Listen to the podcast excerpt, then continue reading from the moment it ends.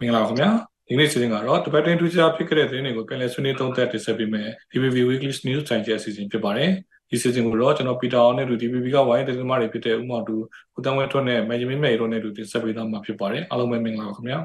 ဟုတ်ကဲ့အခုသတင်းပတ်တဲ့မှာတော့ဒီမြန်မာနိုင်ငံအချက်တဲကိုဖြည့်ရှင်းဖို့တာတခုတည်းသောနည်းလမ်းဟာဆရာနာရှင်စနစ်ချုံနေဖြစ်တယ်ပြီးတော့နိုင်ငံတကာအတိုင်းဝိုင်းနေနဲ့မြန်မာပြည်သူတွေရဲ့အတန်ကိုနားထောင်ပြီးတော့မြန်မာလူထုအပေါ်မှာဒါတာဝန်မပြတ်ကွက်စေဖို့ဆိုပြီးတော့အာ တမကြီးဦးကျော်မတို့ကကုလသမဂ္ဂမှာပြောကြားခဲ့တဲ့တဲ့နောက်ဆရာနာတိန်နှစ်ကျော်ကာလအတွင်းမှာဒီစစ်ကောင်စီတပ်တွေရဲ့အကြမ်းဖက်တပ်ဖက်မှုကြောင့်မြန်မာနိုင်ငံမှာကလေးငယ်ပေါင်း490ယောက်တည်ဆုံပြီးတော့စာတင်ကျောင်းပေါင်း119ကျောင်းဖျက်ဆီးခံရတယ်လို့ energy ဆိုရကတာပြောကြားခဲ့တဲ့တဲ့နောက်မြန်မာနိုင်ငံမှာလွတ်လပ်စွာအသင်းပင်းဖွဲ့စည်းမှုနဲ့အာမလောအဘိခိုင်းစေမှုဆိုင်ရာပြဋ္ဌာန်းချက်တွေကိုဒါကျေပြပြချိုးပေါက်နေတာစစ်ဆေးတွေ့ရှိရဲဆိုပြီးတော့ UB ဆိုင်ရာလုံသမားရေးအဖွဲ့ ILO ရဲ့မြန်မာနိုင်ငံဆိုင်ရာစုံစမ်းစစ်ဆေးကော်မရှင်ကဒါထုတ်ပြန်လိုက်ပါတယ်။ပြီးတော့ဒီကိစ္စနဲ့ပတ်သက်လို့ဂျနီဗာမှာရှိတဲ့စစ်ကောင်စီတိုင်ဝမ်ကိုလည်းဒါအကြောင်းကြားထားပြီးတော့၃လအတွင်းမှာအကြောင်းမပြိုင်တော့ဒီ ICJ တရားကိုလွှဲပေးမယ်ဆိုပြီးတော့ ICJ ဒီ ILO ကနေပြီးတော့ကြီးညာခဲ့တာရှိပါတယ်။နောက်တစ်ခါဒီမြန်မာနိုင်ငံနဲ့တရုတ်နိုင်ငံမှာဒီကမ္ဘာမှာအင်တာနက်လွတ်လပ်ခွင့်ပြည်နေမှုအဆိုပါသောနိုင်ငံတွေဖြစ်တဲ့ဆိုပြီးတော့ American ခြေဆိုင် Freedom House ဘွဲကထုတ်ပြန်လိုက်တဲ့တဲ့နောက် ရသားပြည်သူတွေကိုတပ်ဖြတ်နေတဲ့မြန်မာစစ်တပ်ကိုဒါအင်ဒိုနီးရှားအစိုးရပိုင်းကုမ္ပဏီတွေကနေပြီးတော့လက်နက်ရောင်းချနေတဲ့ကိစ္စစုံစမ်းစစ်ဆေးဖို့ဆိုပြီးတော့လူ့ခွင့်အဖွဲ့တွေကအင်ဒိုနီးရှားအစိုးရကိုတောင်းဆိုခဲ့တာနောက်တရုတ်နိုင်ငံလင်ချမ်းမှာဒါကျင်းပနေတဲ့ဒီတိုင်းသားရိုးရာပွဲတော်တစ်ခုကိုတက်ရောက်နေတဲ့ကိုကတ်လုပ်ငန်းရှင်၁၁ယောက်ကိုဒီတရုတ်နိုင်ငံမှာဖမ်းဆီးထားတဲ့တဲ့နောက် KNU ကရင်ဘုရားစီယုံဥက္ကဋ္ဌဟောင်းဒီစောဘူဒုစေဖို့နဲ့အဖွဲ့ဒါနေပြီးတော့မှစစ်ကောင်းဆောင်နဲ့တွားပြီးတွေ့ဆုံကြရတဲ့ပတ်သက်ပြီးတော့ တွေ့ဆုံမှုဟာဒါအဖွဲ့အစည်းနဲ့မသက်ဆိုင်ဘူးဒီတရားမဝင်ဆန္ဒရှင်တွေကိုတွေ့ဆုံမှာမဟုတ်ဘူးဆိုပြီးတော့ GNU ဘိုးကထုတ်ပြန်ခဲ့တာရှိပါတယ်။နောက်တစ်ခါဒီထိုင်းနိုင်ငံဘန်ကောက်မြို့လေဒီဆီယန်ပါရဂွန်ကိုနေကြီးမှာတော့ထိုင်းလူငယ်တယောက်ကဒါတနက်နဲ့ပြေခံမှုကြောင့်ဒီရွှေပြောင်းလုပ်တာမြန်မာမျိုးသမီးတူဒါတည်ဆုံသွားတဲ့တဲ့ရှိပါတယ်။နောက်တစ်ခါဒီနိုင်ငံဝန်ထမ်းတွေကိုစစ်ကောင်စီကဒီအဖို့ထောက်ပံ့ကြေးချက်3000ထောက်ပံ့ပေးတယ်လို့ဒီစက်အောင်လို့သမားတွေကိုလည်းအခြေခံလောက်ခလာစာကြီးတိုးပေးဖို့လို့သမားတမကတွေကတောင်းဆိုနေတဲ့တဲ့ရှိပါတယ်။ နောက်တရုတ်နိုင်ငံဟန်ဂျိုးမှာကျင်းပနေတဲ့အာရှဒီအားကစားပြိုင်ပွဲမျိုးသားလေးယောက်တွေပိုက်ကျော်ခြင်းပြိုင်ပြိုင်ပွဲမှာတော့ဒါမြန်မာအသင်းကအင်ဒိုနီးရှားအသင်းကိုနိုင်ရပြီးတော့ရွှေစည်းစုရတဲ့သတင်းတွေရှိပါတယ်။အောင်ဒီစီဝိုင်းသတင်းတွေဆက်ရမယ်ဆိုရင်တော့လာမယ့်2024ခုနှစ်မှာမြန်မာနိုင်ငံရဲ့ GDP တိုးတက်နှုန်းဟာ2ရာခိုင်နှုန်းပဲရှိမယ်လို့ကမ္ဘာ့ဘဏ်ကခန့်မှန်းခဲ့တာ။နောက်ဒီတရုတ်မြန်မာနယ်စပ်အဝင်အတွက်မူဆယ်ဂိတ်ကနေပြီးတော့အော်တိုဝါလာတရနေ့ကစပြီးတော့နိုင်ငံကူးလက်မှတ်ကိုဒါစီဝါရေးဗီဇာနဲ့စပြီးတော့ပေါက်ခွင့်ပြုလိုက်တဲ့တဲ့ လက်ရှိပန်နာနေ့ပထမ6လမှာမြန်မာနိုင်ငံရဲ့ဒီပြည်ပကုန်သွယ်မှုဟာအရင်နှစ်ကတည်းက American Dollar တန်း800ကျော်ကျော်နေကျဆင်းသွားတဲ့သတင်းတွေရှိပါတယ်။ခေါင်းနိုင်ငံကသတင်းတွေပြမှာတော့ဒီ American Budget ဥပဒေချက်တင်းတဲ့အောက်တော့ဥက္ကဋ္ဌ Kevin McCarthy ရာထူးကဖေရှားခဲ့တဲ့သတင်းတွေနောက်ဆီးရီးယားစစ်တပ်ကတို့ကြောင်းစင်ပွဲ drone နဲ့တိုက်ခိုက်ခံရလို့ဒါအနည်းဆုံးလူ80လောက်သေဆုံးပြီးတော့ရာနဲ့ချီတန်းရရှိသွားရှိပါတယ်။နောက်ယူကရိန်းမှာတော့ဒီဇာပနာပွဲတစ်ခုကို ရုရှားကဒါတိုက်ခိုက်ခဲ့လို့လူပေါင်း50ကျော်ပြေဆုံးသွားတဲ့သတင်းတွေနောက်2023ခုနှစ်အတွက် Nobel ဆုရှင်နေတာထုတ်ပြန်ကြေညာတဲ့သတင်းတွေရှိပါတယ်ပထမဆုံးအနေနဲ့ကျွန်တော်မြန်မာသတင်းတစ်ပုဒ်စီးပွားရေးသတင်းတွေပဲဆက်လိုက်ချင်ပါတယ်ဒီဆီယနာတိန်နဲ့ခွဲကာလအတွင်းမှာဒီတိုင်းပြည်မှာစီးပွားရေးယိုရင်းပစ္စည်းကုန်စုံနှုန်းတွေလည်းတက်တက်တန်ကိုပြည်သူလူထုတွေကလူလက်ခံရအလုံးတည်ပဲဖြစ်ပါတယ်ဒီစစ်ကောင်စီကတော့တူးလက်အောက်ခံဝန်ထမ်းတွေကိုလက်ရှိလစာအပြင်အပိုထောက်ပံ့ကြေးဒါတစ်လကိုဖြတ်3000ဒီဒီလစပြီးတော့ ခန်းစားခွင့်ပေးမယ်လို့ကြေညာခဲ့တာရှိပါတယ်။နောက်ဝန်ကြီးဌာနတချို့ကတော့ဒါဝန်ထမ်းတွေကိုတယောက်ကိုဘဲဥဆယ်လုံးပေးမယ်ဆိုပြီးတော့ဒါပြောနေရလဲရှိပါတယ်။ဒီညီမလက်ရှိပေါ့နော်တိုင်းပြည်ညီမစီဝါရေးဘာတွေဖြစ်နေလဲဆိုတာအရင်ဆုံးမင်းမြင့်မြတ်သုံးသပ်ဆွေးနွေးပေးပါလားခင်ဗျာ။ စီးပွားရေးနဲ့ပတ်သက်ရင်တော့ဒါပြီးခဲ့တဲ့အောက်တိုဘာလ2ရက်နေ့ကဒိတ်နဲ့ထုတ်ပြန်တဲ့ဒီကမ္ဘာဘဏ်ရဲ့အစီရင်ခံစာမှာပေါ့နော်အစီရင်ခံစာမှာဆိုရင်တော့ဒါမြန်မာစီးပွားရေးဖွံ့ဖြိုးတိုးတက်မှုနှုန်းကဒီ2023မှာ3ရာခိုင်နှုန်းနဲ့ပေါ့နော်လာမယ့်2024မှာ2ရာခိုင်နှုန်းပဲရှိမယ်ဆိုတာမျိုးဟော တွက်ထားတာတွေ့ရတာပေါ့လေဆိုလိုအာဆိုလိုတာကဒီလာမယ့်2024ခုနှစ်မှာအခုတည်းစီးပွားရေးကျမယ်ဆိုတဲ့အဲ့ဒါအဓိပ္ပာယ်ဖြစ်တာပေါ့နော်အဲ့တော့ဒီ2022ခုနှစ်ရဲ့ဟလာဒီဒီမှာမှာဆိုရင်တော့ဒါမြန်မာဒီ GDP ပေါ့နော်အာ GDP တန်ဖိုးပေါ့စုစုပေါင်းစုစုပေါင်းပြည်တွင်းထွက်ကုန်ပေါ့နော်ဒါ American Dollar 59.63ဘီလီယံရှိတယ်ဆိုပြီးတော့ထုတ်ပြန်ထားတာလည်းတွေ့ရပါတယ်ဒါပေမဲ့ဒီပမာဏဟာဒီကမ္ဘာစီးပွားရေးတစ်ခုလုံးရဲ့ဟလာ3.33ရာခိုင်နှုန်းပဲရှိနေတယ်ဆိုတာလည်းအဲ့ဒီအချက်ကိုလည်းတွေ့ရှိရှိရပါတယ်အဲ့တော့ NLD လက်ထက်တုန်းကတော့ဒါကျမတို့သိခဲ့တာကတော့ဒါဘီလီယံ GDP ကဘီလီယံ80ကျော်တယ်ဆိုတာမျိုး88ဘီလီယံလောက်ရှိတယ်လို့ကျမတို့သိရတာပေါ့လေဆိုတော့အဲ့မှာကြည့်လိုက်လို့ရှိရင်တော့ဒါတိတိတသာကျသွားတဲ့သဘောတွေ့ရတယ်အဲ့တော့ဒါတောင်တော်တော်လေးကြည့်ကောင်းအောင်တွက်ချက်ထားပုံရတယ်ပေါ့နော်ဆိုတော့ ဒါဒီဒီကမ္ဘာ့ဘဏ်တို့ဘာတို့ရဲ့သဘောတဘာဝကဒီလိုအရင်ရုပ်ပြစင်းပြဖြစ်အောင်တော့သူတို့မလုပ်ဘူးပေါ့နော်ထိန်းထိန်းသိမ်းသိမ်းလုပ်တဲ့ပုံစံလေးတွေရှိတဲ့အခါကျတော့ဒါတော်တော်လေးကိုကြည့်ကောင်းအောင်တွက်ချက်ထားတယ်လို့ယူဆ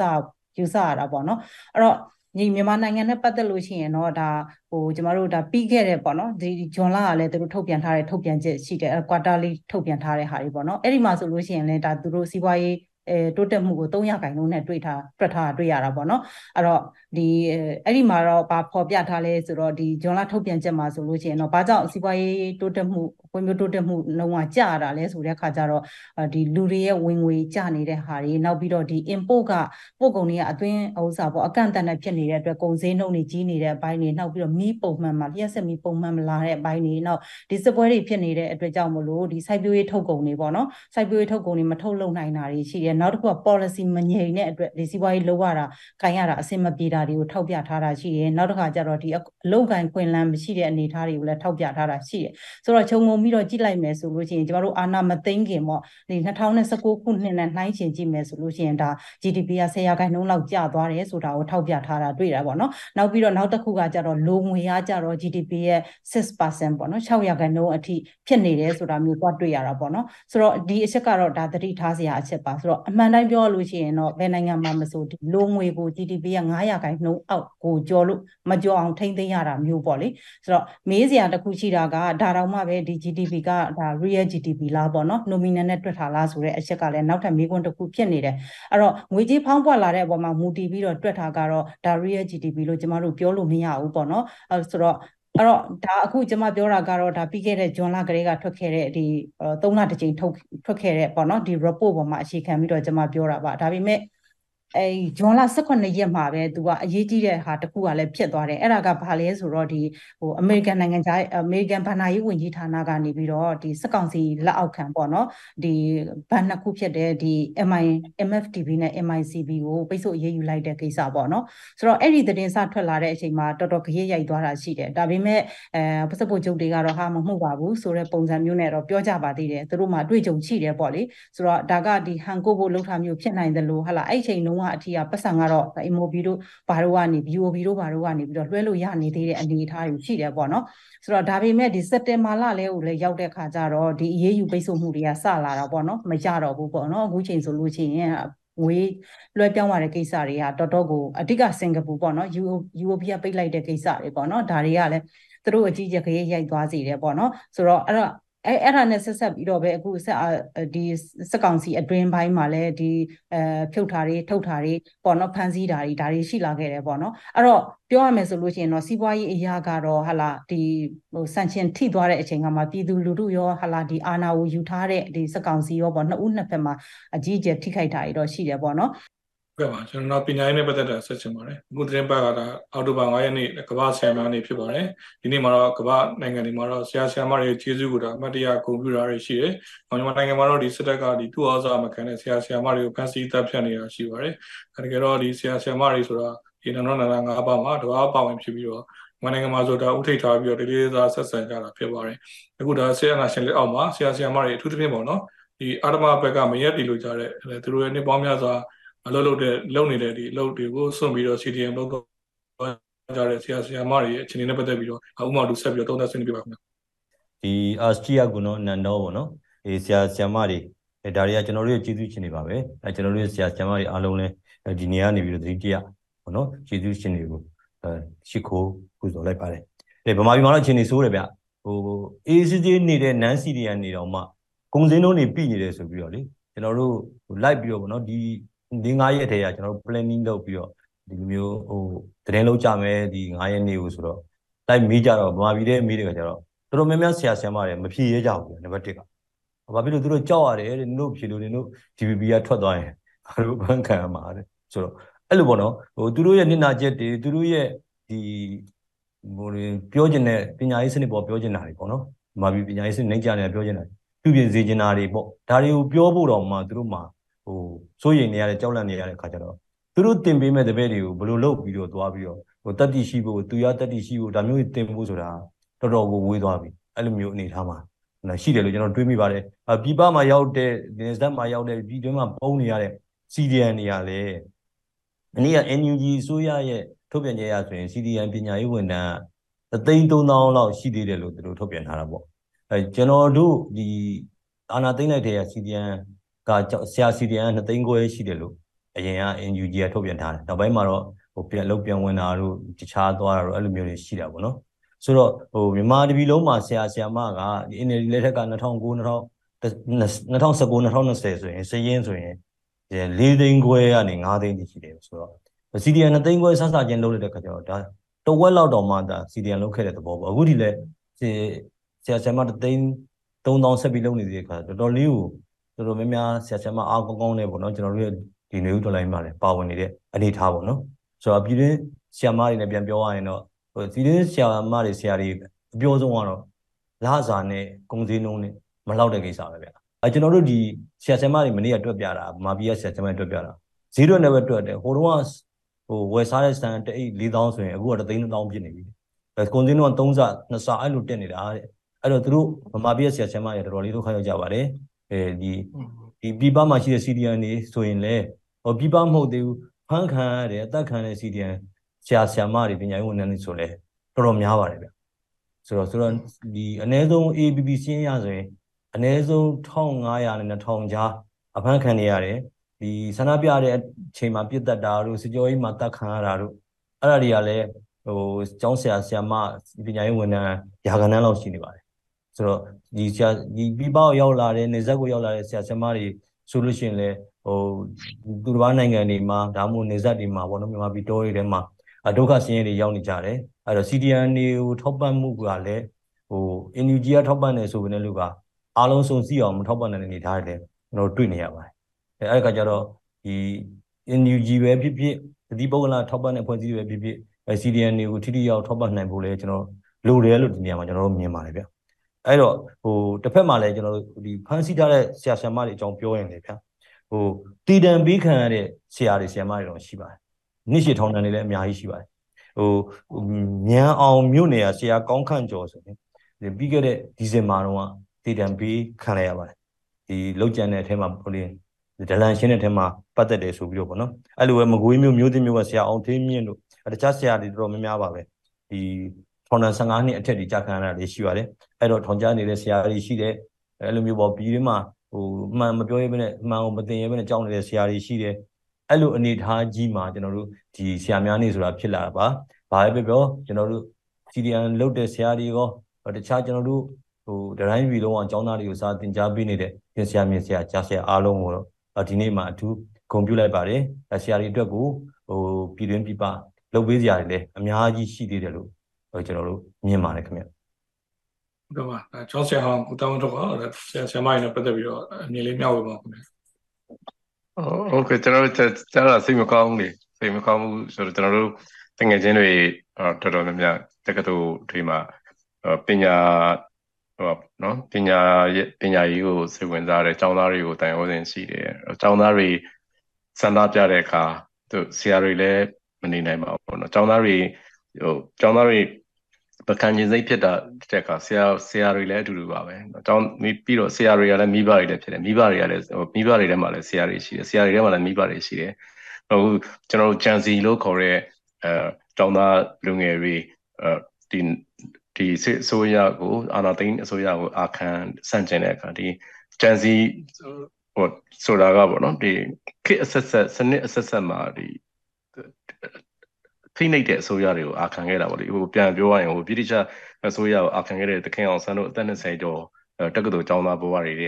အဲ့လိုပြန်တွက်ကြည့်မယ်ဆိုလို့ရှင်ပေါ့နော်အဲ့ဒါအဲ့ဒါသူတို့တွေနဲ့အတူတူပဲဟိုတဝမ်းတစ်ခါတည်းပဲရင်ဆိုင်ပြီးတော့လက်ရည်တစ်ပြင်နဲ့ရင်ဆိုင်နေကြတာဆရာတွေပါပါတယ်နော်ဆရာတွေအဲဆရာတွေထဲမှာအဲဘယ်လိုအခုချိန်ထိပေါ့နော်ကျွန်တော်တို့ကြားရကြားရပါတယ်ကိုပညာပညာရေးကို ပညာကိုလည်းပညာလိုလားတယ်ပညာသိကျင်စိတ်ရှိတယ်เนาะကျောင်းသားတွေကျောင်းသားတွေကိုချစ်ချစ်ခင်တယ်ဆရာတွေတော်တော်များများစာသင်ခန်းထဲကိုပြန်မဝင်တော့ဘူးเนาะဖြစ်တယ်လို့ပဲဘဝကိုရုန်းကန်တော့မယ်ဆိုတော့ဆရာတွေနေနေရာတိုင်းမှာကျွန်တော်ကြားရပါတယ်အဲ့တော့အဲ့တော့ဒီ အဲ့တော့စိတ်မကောင်းစရာတရင်အမြဲတမ်းမြင်နေရတာပေါ့နော်ကျွန်တော်စိတ်မကောင်းပါဘူးဆိုရင်နိုင်ငံအတွက်လည်းစိုးရင်ပါတယ်နောက်ပြီးတော့ဒီ ဒီအနာသိသိမိနောက်ပိုင်းမှာကျောင်းသားတွေဆိုတော့၈တန်းကျော်ပေါ့နော် lost generation လို့နိုင်ငံတကာအဖွဲ့အစည်းတွေကပြောတဲ့အခါမှာတော်တော်လေးစိတ်ထိခိုက်စရာကောင်းပါတယ်ခေတ်နှစ်ပေါင်းများစွာအာတော့ပြအနာဂတ်ပြဿနာတက်နိုင်တဲ့ကိစ္စပေါ့နော် lost generation ပျောက်ဆုံးသွားသောမျိုးဆက်ဆိုဆိုပြီးတော့လေအဲ့တော့ဆရာဆရာတွေနဲ့လည်းဆက်ဆက်နေလို့စဉ်းစားမိတာပါနော်ကျောင်းသားတွေရောလူငယ်တွေရောဟိုပြပညာရေးအနာဂတ်ကိုအကုန်လုံးဆက်ဆက်နေတာပေါ့နော် ဟုတ်ကဲ့ကျေးဇူးတင်ပါတယ်ခုလိုမြင်မြောက်ရအောင်နောက်တစ်ခါဒီမြန်မာပြည်ဒေသနဲ့မှာတော့ဒါဆရာနာရှင်ကုကတူလန်စစ်ပွဲတွေကအချိန်ရနေပြီးတော့အပိခတ်တက်ခတ်မှုတွေကလည်းနေ့စဉ်မပြတ်ဒါအချိန်မပြတ်ဆက်ဖြစ်နေပါတယ်ဒီအချိန်မှာပဲဒီစစ်ကောင်စီကနေပြီးတော့မှ SCA နှစ်ပတ်လည်ပွဲဒါကျင်းပဖို့စီစဉ်နေတာရှိလို့သူ့ရဲ့ဒီစစ်ကောင်စီအဖွဲ့မှာလည်းဒါဖြုတ်ထုတ်ဖမ်းဆီးမှုတွေကလည်းရှိနေပါတယ်ဒီလက်ရှိနိုင်ငံရေးအခြေအနေနဲ့ပတ်သက်ပြီးတော့မင်းမင်းမြိုင်ဒါသုံးသပ်ဆွေးနွေးပေးပါလားခင်ဗျာ ဟုတ်ကဲ့ကိုပီတာဒီလက်ရှိအခင်းကျင်းကတော့အခုဒါအားလုံးသိတဲ့အတိုင်းပဲစကောင်စီဘက်မှာလည်းဒီပြဿနာတွေအများကြီးရှိနေတာပေါ့နော်အဲ့တော့သူတို့ဒါကဒီမိခိုးနဲ့ပတ်သက်ရင်တော့သူတို့ဘက်ကအအကြောင်းပြတာကတော့လက်ပေးလက်ယူမှုပေါ့နော်ဒါပေမဲ့ဒါကအဓိကအကြောင်းရင်းဟုတ်မဟုတ်ဆိုတာကိုတော့ဒါဘယ်သူမှတော့မပြောနိုင်ဘူးပေါ့နော်ဒါကိုသိတာတော့သူတို့ထဲကလူတွေပဲသိမယ်နောက်တစ်ခုကတော့ဒီမအောင်မြင်တဲ့အာဏာသိမ်းမှုကြားထဲမှာပေါ့နော်သူ့ကိုငါအပြစ်တင်ငါ့ကိုသူအပြစ်တင်တာတွေလည်းမရှိဘူးလို့တော့ပြောလို့မရဘူးပေါ့နော်ဒါပေမဲ့ဒီလိုတောင်းကနေဖြစ်နေတဲ့ကြားထဲမှာပဲဟလာအာဏာတည်မြဲရေးအတွက်လုပ်နေကြတာတွေလည်းတွေ့ရတယ်နောက်တစ်ခုကဒါအုပ်စုတွေခွဲပြီးတော့ကစားလာကြတာမျိုးတွေလည်းတွေ့ရတယ်ပေါ့နော်ဆိုလို့ရှိရင်ဒါဥပမာဆိုရင်ဒါငင်းချမ်းရေးဆွေးနွေးပွဲဆိုတဲ့ကိစ္စဆိုရင်ဟာလာဒါတွေကအယောင်ပြလှုပ်ဆောင်နေတာပါဆိုတာမျိုးကိုအများကနားလည်ထားပေမဲ့ဟာလာသူတို့ကကြတော့သူတို့ formula အတိုင်းပဲသူတို့ဆက်ပြီးတော့လုပ်နေတယ်ပေါ့နော်ဆိုတော့အဲ့လိုလုပ်တဲ့အခါမှာလည်းဟာလာဒီတိုင်းသားခေါင်းဆောင်ဆိုတဲ့သူတွေကိုလည်းဟာလာလူရင်သွားပြီးတော့ခလုတ်နှိပ်တာတွေရှိတယ်ဟာလာနိုင်ငံရေးအကြက်တဲတွေဖြစ်နေတယ်စီးရေးအကြက်တဲတွေဖြစ်လာပြီးဆိုရင်ဒါလုပ်တဲ့ပုံစံတွေပေါ့နော်အဲ့တော့သူတို့ကကောင်းကောင်းသိတယ်အဲ့တော့ဘသူ့ကိုဝယ်လို့ရတယ်ဘသူ့ကိုဝယ်လို့မရဘူးဆိုတော့ဒါကဒါမြန်မာနိုင်ငံလွတ်လပ်ရေးရပြီးတော့ဒီပြည်တွင်းပြည်တွင်းစစ်ဖြစ်ကြတဲ့ကဟလာငင်းချမ်းရေးဆိုတဲ့ဒီ business ကိုသူတို့ထူထောင်ပြီးတော့ဟလာဒီလိုအာဏာရှိသောဟလာစီစဉ်ဥစ္စာရှိသောစီစဉ်ဥစ္စာနဲ့ပြည့်စုံတဲ့ဘဝတွေဖြစ်အောင်သူတို့ကြိုးပမ်းလာကြတာပေါ့လေဆိုတော့အခုလည်းဒီ formula အတိုင်းပဲသူတို့ဆက်ပြီးတော့လုပ်နေကြတာကြီးတွေ့တာပေါ့လေအဲ့တော့ဒီနေရာမှာနောက်တစ်ခုကဒါ အဲဒါဟိုတရုတ်နဲ့ပတ်သက်နေတဲ့ EAO တွေဆိုလို့ရှိရင်လည်းအဲတရုတ်ဘက်ကိုလှမ်းပြီးတော့အဲပြောခိုင်းတာတွေရှိတယ်အဲဒါကြောင့် ဟိုဟာလာဘလောက်ပဲဟိုတင်းတင်းမာမာပြောခဲ့ပြောခဲ့တရုတ်ကဟိတ်ဆိုလို့ရှိရင်ငြိမ်သွားတဲ့အဖွဲ့တွေလည်းရှိတယ်ဆိုတော့အမှန်တော့အပြန်လှန်ကစားကြတာပေါ့လေအဲ့တော့စက်ကောင်စီကလည်းတရုတ်ကိုအကျိုးစီးပွားနဲ့ကစားတယ်တရုတ်ကလည်းစက်ကောင်စီကိုဟာလာလက်နက်ကိုင်အဖွဲ့တွေကနေပြီးတော့တဆင့်ကစားတယ်စက်ကောင်စီကလည်းတရုတ်အပြင်ရုရှားကိုပါပေါင်းထားပြီးတော့အကွက်တွေချွေကြတယ်ပေါ့နော်ဒါပေမဲ့ဘလောက်ပဲချွေကြချွေကြသူတို့ရဲ့အကျိုးစီးပွားတွေကဆက်ဆက်နေတဲ့အတွက်သူတို့လက်တွဲဖြုတ်ထားမျိုးတော့ကျမတို့မတွေ့ရဘူးဆိုတော့အဲ့လိုပုံစံမျိုးနဲ့သွာလာတာကအခုဒေါ်လာရေးနှစ်နှစ်ကျော်လာပြီပေါ့နော်ဆိုတော့ဒါကိုဒါပြည်သူတွေလည်းသိပါတယ်အဲ့တော့ပြောချင်တာကတော့ဟာလာအခုလုပ်နေတဲ့ဒါငင်းချမ်းရေးလို့ခေါင်းစဉ်တက်ထားတဲ့အလုပ်တွေနဲ့ပတ်သက်ပတ်သက်တာပေါ့နော်အခုဒါအောက်တိုဘာ15မှာဟလာငင်းချမ်းရေးညီလာခံကျင်းပမယ်လို့ပြောတာရှိတယ်အဲ့တော့တခုရှိတာကဒီငင်းချမ်းရေးဆွေးနွေးပွဲကိုဥဆောင်လုပ်တဲ့လူတွေပေါ့နော်ကျမဗာတတိထားမိလဲဆိုဒီထဲမှာအခုဒါသတင်းတွေထွက်လာတာကတော့ဟလာဒီဥအောင်မင်းတို့ဟလာဥဆိုသိန်းတို့ဟလာ အာဒါဦးသိန်းစိန်လက်ထက်ကလေးကငင်းချမ်းရေးလိုချင်လို့ဟာလာဒီအိတ်ဆိုင်ပြီးလုပ်နေရပါတယ်ဆိုတော့ငင်းချမ်းရေးပွဲစားတွေလည်းပါတယ်လို့သိရတယ်အဲ့တော့သတင်းတွေလည်းထွက်နေတယ်ပေါ့နော်အဲ့တော့ဒီအခင်းအကျင်းကိုဟာလာကြည့်လို့ရှိရင်ဟာလာဦးသိန်းစိန်အုပ်စုတွေပါဒီပွဲမှာဝင်ကစားလာပြီလားဆိုတဲ့မိခွန်းတွေလည်းရှိပါတယ်အဲ့တော့နောက်တစ်ခုကတော့ဒီစက်ကောင်စီထဲမှာဖြစ်နေတဲ့အကွဲအပြဲတွေဟာလာဖြုတ်ထုတ်သက်တွေဖြစ်နေတယ်အဲ့ဒါဒါကဒါ ကိုတုံးကလည်းဒီလိုအစဉ်လာမျိုးတွေရှိခဲ့တယ်ဆိုပေမဲ့အခုဒါဖြုတ်ထုတ်သက်လုတ်တဲ့လူတွေကကြတော့ဟလာဒီဗိုလ်ချုပ်မူကြီးမင်းအောင်လှိုင်ရဲ့လူရင်းနေလူယုံနေဖြစ်နေပြန်ရောဆိုတော့ဒါထက်ပိုပြီးစိတ်ဝင်စားစရာကောင်းတာကဒီဗိုလ်ချုပ်မူကြီးမင်းအောင်လှိုင်ရဲ့ဒါလူယုံဖြစ်တဲ့ပေါ့နော်ဒုတိယဗိုလ်ချုပ်ကြီးမိုးမြင့်ထွန်းနေရာမှာဝင်တဲ့သူကဟလာတစ်ချိန်လုံးကသူကြောင်ထိုးထားခဲ့တဲ့ဗိုလ်ချုပ်ကြီးမြတ်ထုံးဦးဖြစ်နေပြန်ရောအဲ့တော့တစ်ဖက်ကပြန်ကြည့်တော့လေဟလာဒီဗိုလ်ချုပ်ကြီးမြတ်ထုံးဦးတို့ဟလာဗိုလ်ချုပ်ကြီးရာပြေးတို့ဆိုတာကိုလည်းဒါဗိုလ်ချုပ်ကြီးဗိုလ်ချုပ်မူကြီးတန်းချွေရဲ့လူတွေလို့တတ်မှတ်ခံထားရတဲ့အဲအပိုင်းတွေလည်းရှိနေပြန်ရောဆိုတော့ တခါဒါထက်ပိုတာကဒါပြီးခဲ့တဲ့စက်တင်ဘာလနောက်ဆုံးပတ်ထဲမှာပဲဗိုလ်ချုပ်ကြီးမြတ်ထုံးဦးကနေပြီးတော့ဟလာဒီတရုတ်နိုင်ငံကိုသွားသွားရောက်ခဲ့တာတွေလည်းရှိနေတယ်ဆိုတော့လက်ရှိအနေအထားမှာစဉ်းစားစရာဖြစ်နေတာကတော့ဟလာဗိုလ်ချုပ်ကြီးမင်းအောင်လှိုင်ကဟလာတကယ်ကောမြန်မာနိုင်ငံမှာအာဏာအရှိဆုံးလူဟုတ်သေးရဲ့လားဆိုတဲ့ကိစ္စပေါ့နော်ဥမာဆိုလို့ရှိရင်ဒါအယက်သားပေါ့နော်အာဏာသိမ်းပြီးတော့ဒီယက်သားဆိုရကိုဖြုတ်ချပြီးတော့ဟလာစစ်တပ်နိုင်ငံတစ်ခုထူထောင်မှုစူးစမ်းတာကိုသူတို့ဘက်ကနေပြီးတော့ဒါမရှင်တစ်ခုအနေနဲ့လှုပ်ဆောင်ခဲ့တာဖြစ်တယ်ဆိုရင်ရင်ဟလာဗိုလ်ချုပ်ကြီးမင်းအောင်လှိုင်က mission ကို accomplish ဖြစ်အောင်မလုပ်နိုင်တဲ့သူဖြစ်သွားပြီလားပေါ့နော်ဆိုတော့သူ့အာဏာကရောပြန်ပြီးကန့်သက်ခံနေရပြီလားဟလာသူ့ကိုကောသူနဲ့အဆင်မပြေတဲ့လူနဲ့ဝိုင်းထားပြီးသားအနေထားမျိုးလားဟလာသူ့ကိုထိုးကြွေးတော့မှာလားဟလာသူကရောထိုးကြွေးခံမလားပေါ့စသဖြင့်ပေါ့နော်ဒါမျိုးမျိုးသုံးသပ်နေကြတာကြီးတော့ရှိတယ်ဆိုတော့ဒီပေါ်မှာအတိအကျပြောဖို့တော့ခက်တယ် ခက်တယ်ဆိုတဲ့အမြင်တွေလည်းရှိပါတယ်။ဘာကြောင့်လဲဆိုတော့စစ်တပ်နဲ့ပတ်သက်လို့ရှိရင်ဟလာဒီ short တွက်လို့မရတဲ့အပိုင်းတွေရှိတယ်။ဒါကဟလာပရိရဲ့တစ်ခုလားဆိုတာမျိုးတွေလည်းအဲပြောကြဆိုကြတာကြီးလည်းရှိပါတယ်။အဲ့တော့တေချာတာတစ်ခုကတော့ဘလို့အနေအထားပဲဖြစ်နေပါစေဟလာအာနာကိုသူတို့ဘက်ကစစ်ပြီးတော့စုပ်ကင်လို့ရဖို့ကိုကြကုတ်ကြခဲစူးစမ်းနေတဲ့အပိုင်းတွေတွေ့ရတယ်။ဟုတ်ကဲ့ပါ။တော့ဒီကိုတင်ပတ်တဲ့မှာဒီကမ္ဘာသတင်းဘက်မှာတခြားစိတ်ဝင်စားစရာအဖြစ်အပျက်တွေပါတယ်ရှိမလဲ။ကိုတမန်တော်ဆက်လက်ပြီးဆွေးနွေးပြပါခင်ဗျာ။ ပထမဆုံးဒီအစိုးရင်ဆုံးတဲ့ကတော့အခုပြီးခဲ့တဲ့ July August တကယ်စခဲ့တဲ့ဟိုအဆုံးရောက်ပြင်းထန်ဆုံးຢာဒီဥဒုမိုးလေဝသຢာဒီဥဒုဖောက်ပြန်တာပေါ့လေအခု September ကုန်ခဲ့ပြီနော် September ကုန်တော့ဟို September ဟာလည်းတမိုင်းတွင်တဲ့အပူချိန်အမြင့်ဆုံးပေါ့နော်တစ်ကမ္ဘာလုံးမှာတမိုင်းတွင်တဲ့အပူချိန်အမြင့်ဆုံးဖြစ်တယ်ဆိုပြီးတော့သိပ္ပံပညာရှင်တွေထုတ်ပြန်တာတွေ့ရတယ်ပြီးခဲ့တဲ့ July တုန်းကလည်း စံချိန်တင်တယ်ကဘာမှာစံချိန်တင်ခဲ့တယ်ပြီးခဲ့တဲ့ August လမှာလည်းရာဇဝင်မှာစံချိန်တင်ခဲ့တဲ့အပူချိန်အပြင်းထန်ဆုံးပြီးတော့မိုးရေချိန်တချို့နေရာတွေမှာမိုးရေချိန်အများဆုံးရွာပြီးတော့ရေအိမ်တွေပါမျောကားတွေပါမျောအဲ့လိုမျောကြတယ်ပေါ့နော်အခုစက်တင်ဘာကလည်းအဲ့လိုအဆုံးရောက်အပူချိန်ဆိုတွေ့တယ်နောက်ပြီးတော့ကျွန်တော်တို့သတင်းထဲမှာတွေ့တာဆိုလို့ရှိရင်ဒီတရုတ်နိုင်ငံမှာဆိုလို့ရှိရင်နှစ်ပေါင်း140 150လောက်အထက်မှာအမြင့်မားဆုံးမိုးရေချိန်နဲ့အပြင်းထန်ဆုံး မိုးကြီးရေကြီးတွေကနောက်ဆက်တွဲပေါ့နော်နောက်ဆက်တွဲကဒီကောက်ပဲသိန်းနဲ့ပစ္စည်းတာနဲ့စားနပ်ရိက္ခာအကျက်တဲနောက်ထပ်ဘယ်လောက်ကြုံနိုင်မလဲဆိုပြီးတော့ဆိုရင်ဆရာတွေအဲသတင်းတွေမှာတွေ့တယ်နောက်တစ်ခါပြီးခဲ့တဲ့ရက်ပိုင်းဟာပဲကျွန်တော်တို့သတင်းတွေမှာမြင်နေရတာပေါ့နော်အိန္ဒိယပေါ့အိန္ဒိယရဲ့အရှေ့မြောက်ဆိုတော့ဒီဘူတန်နဲ့နေပေါ်ရဲ့ကြားတဲ့ဒီဟိမဝန္တာအဲတောင်အခြေပေါ့နော်အဲအဲ့ဒီမှာလူ2000ကျော်လောက် တော်တော်ဒုက္ဒုက္ခဟိုဖြစ်တာပေါ့နော်ရေထဲမှာရေထဲမှာမိုးရေကြီးလို့အာရေမြုပ်လို့နော်အဲဟိုဖြစ်ကြတယ်နော်လူ100ကျော်လောက်ပျောက်နေတယ်လူတွေဟိုလူတွေအဲ့လို20လောက်တီးတီးကြီးပျက်စီးတယ်အလောင်းတွေကတိုးနေတော့မယ်အဲဆိုတော့မိုးရေချိန်အဆုံးရောက်တွေတွေ့ရတယ်နောက်အပူချိန်အရန်ပြင်းတာတွေတွေ့ရတယ်တော်မီလောင်နေတာတွေတွေ့ရတယ်နောက်သူတို့ဖောက်ပြန်နေတာတွေတွေ့ရတယ်နောက်ဆက်တွေကကျွန်တော်တို့မှလည်းစဉ်းစားစရာပေါ့နော်ဟိုကိုကျွန်တော် ကိုနိုင်ငံဆင်းရဲတဲ့အထဲမှာနောက်ထပ်ဘာတွေစိုးရင်စရာတွေရှိမလဲရာသီဥတုဖောက်ပြန်တာတွေဘာတွေစိုးရင်စရာရှိမလဲအဲ့ဒါကိုခေါင်းနဲ့အရင်ရောက်ပါတယ်နောက်တစ်ခုကတော့ဒီကမ္ဘာလူသားတမောင်များစွာနဲ့ဆိုင်တဲ့တည်င်းပေါ့နော်အဲ့ဒါကတော့ဒီ Nobel ဆုနဲ့ဆိုင်ပါတယ် Nobel ဆုကတော့အခုလောလောဆယ်တော့ငញ្ញရင် Nobel ဆုတော့မချင်ညာသေးဘူးတော့အခုကျွန်တော်တို့ရိုက်ရိုက်အခုစကားပြောနေတဲ့အချိန်မှာပေါ့နော်အဲဒါပေမဲ့ကမ္ဘာလူတမောင်များစွာကိုကယ်တင်နိုင်ခဲ့တဲ့ဒီ MR NA ပေါ့နော်ဒီ mRNA လို့ခေါ်တဲ့ဒီမျိုးဗီဇမျိုးဗီဇအမြင်လေးတွေကမျိုးဗီဇအမြင်လေးတွေကနေဒီအစိတ်ပိုင်းလေးတစ်ခုကိုပဲဆွဲထုတ်တာဥပမာဗျာဒီကိုရိုနာဗိုင်းရပ်စ်မှာစူးတောင်လေးတွေပါတယ်အဲစူးတောင်လေးကိုဖြစ်စေတဲ့အဲမျိုးဗီဇအမြင်ပေါ့နော်အဲ့ဒီဇက်ညွန်းပါနေတဲ့အပိုင်းလေးကိုပဲဖြတ်ထုတ်ပြီးတော့ဒီအဲ့ဒါဒီလူခန္ဓာကိုယ်တွေကိုထည့်တဲ့အခါကျတော့သူကဒီဒီလိုစူးတောင်နဲ့ပါတဲ့ virus ကိုမြင်ရင်သူတိုက်ခိုက်နိုင်တဲ့ ကိုကိုရဲ့ပဋိပစ္စည်းပေါ့နော်အဲ့လိုကိုကိုကံအားကိုပြင်ဆင်ပြီးသားဖြစ်တာပေါ့နော်အဲအဲ့ဒီဟာကလူတန်းပေါင်းများစွာကိုကယ်တင်နိုင်ခဲ့တယ်ပေါ့နော်အဲကိုဗစ်ကြောင့်တကမ္ဘာလုံးမှာစီးပွားတွေပြတ်တာပေါ့လူတွေတန်းပေါင်းများစွာတေချေပျက်စီးတာရောနဲ့တွေ့ရင်အဲ့အဲ့ mRNA လို့ခေါ်တဲ့မျိုးဗီဇပြုတ်ပြင်းတဲ့ဟာကတကမ္ဘာလုံးတော့အရေးကြီးတယ်လို့ဟိုသုံးသပ်ကြတာတွေ့ပါတယ်ဘာလို့ဆိုတော့ဒီမျိုးဗီဇနဲ့ပတ်သက်တဲ့နောက်ထပ်ဖြစ်လာနိုင်သော virus မှန်သမျှကိုဒီနည်းနဲ့ဖြေရှင်းနိုင်တယ် နောက်တစ်ခုကကင်ဆာယောဂအထိပါဒီဒီ mRNA လို့ခေါ်တဲ့မျိုးဗီဇဒီ